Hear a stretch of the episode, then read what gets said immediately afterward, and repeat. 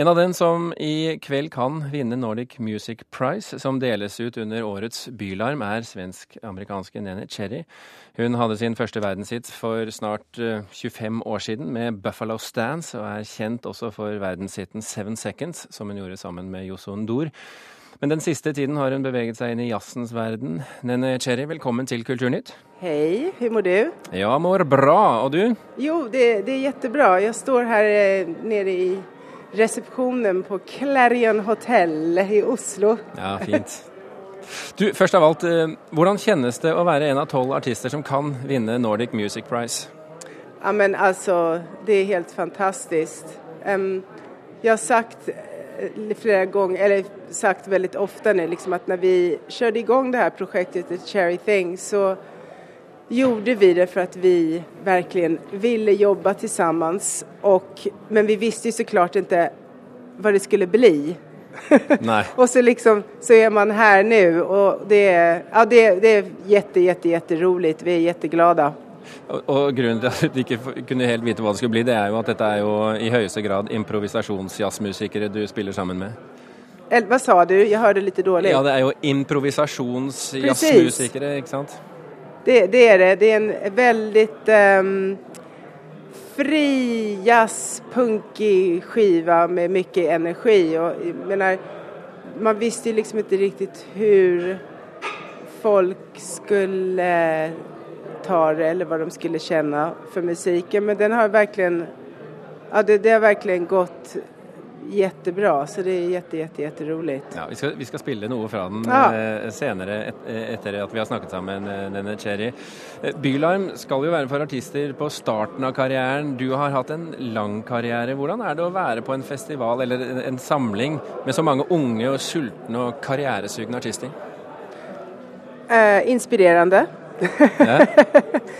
ja, men jag tycker liksom att för mig har det liksom musiken ingen ålder men samtidigt så har jag alltid tyckt att det är väldigt viktigt att samarbeta till exempel med, jag menar jag jobbar ju både med musiker som är äldre än mig men jättemycket med musiker som ibland som är väldigt mycket yngre. Och ehm, så att jag, jag, tycker det är viktigt och väldigt intressant. Men varför tror du att det har blivit så i din karriär? Att eh, du, alltså du nämner eh, att du har, har eh, um, samarbetat med många, du har samarbetat med Josson Dor, med Peter Gabriel, med Gorillaz, Groove Armada, Massive Attack. Alltså det är många stora namn du har samarbetat med. Varför har det blivit så? Alltså, för mig så är liksom, handlar en väldigt stor del av att skapa musik, att, att, att man faktiskt samarbetar. Och eh, de olika liksom, projekten som jag har deltagit i, det har ju varit mest för att de är, eh, de banden, de som är musiker i de banden är personliga vänner. Så det är oftast liksom antagligen föds fram som en idé först och främst för att vi liksom har eh, gemenskap och, och sen till exempel med Groove Armada när de höll på att göra eh, skivan som jag var med på, de ville liksom välja fram sångare så, så tänkte de på mig, vilket var kul. Mm. Men liksom jag, för mig har jag alltid känt att, att det vet, jag gör min grej och liksom skapa själv och skriva och göra min sologrej, vilket jag håller på med en soloskiva nu är jätteviktig. Men också så, och där växer man, men i samarbete med andra människor så, så händer det liksom saker som inte händer när man jobbar själv. Därför tycker jag att det är jätteviktigt. Man hamnar liksom ute i i nya, på ny mark.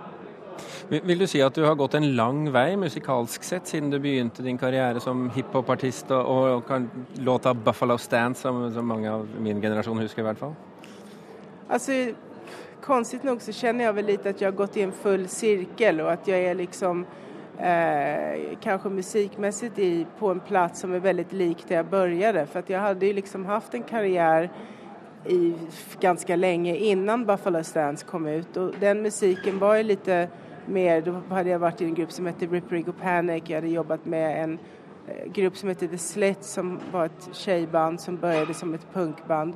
Och den musiken var ju mer eh, liksom experimental om man säger så.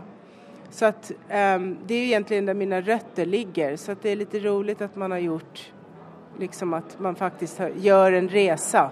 Mm.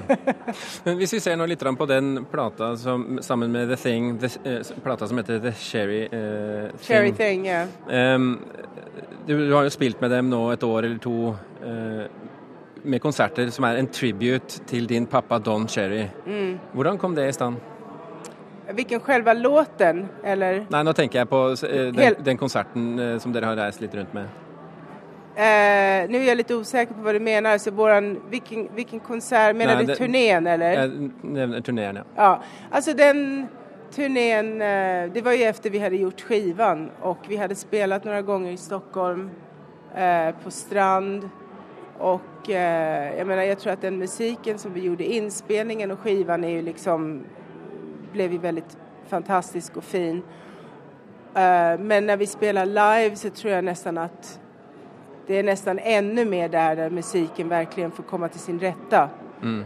Och eh, vi har ju liksom ett, ett möte, eller delar, jag menar Don var min pappa men Ingbritt och, och Paul och Mats Gustafsson de är liksom, har ju varit väldigt inspirerade utav Don Cherrys, min pappas musik så att det kändes väldigt uppenbart att på något sätt göra en, en tribute um, för att jag tror också att jag har ju haft, efter han gick bort, efter han dog så hade jag väldigt svårt för att liksom lyssna på hans musik för att jag blev så jäkla ledsen.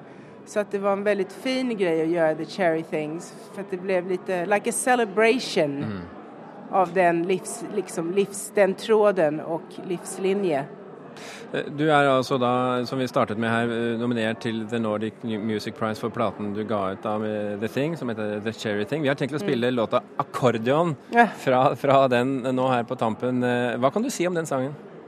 Accordion är eh, en låt som spelades in på, eh, utav MF Doom, kom ut på eh, skivbolag som heter Stones Throw och själva originalinspelningen var bara två minuter och en bara kind of straight rap song.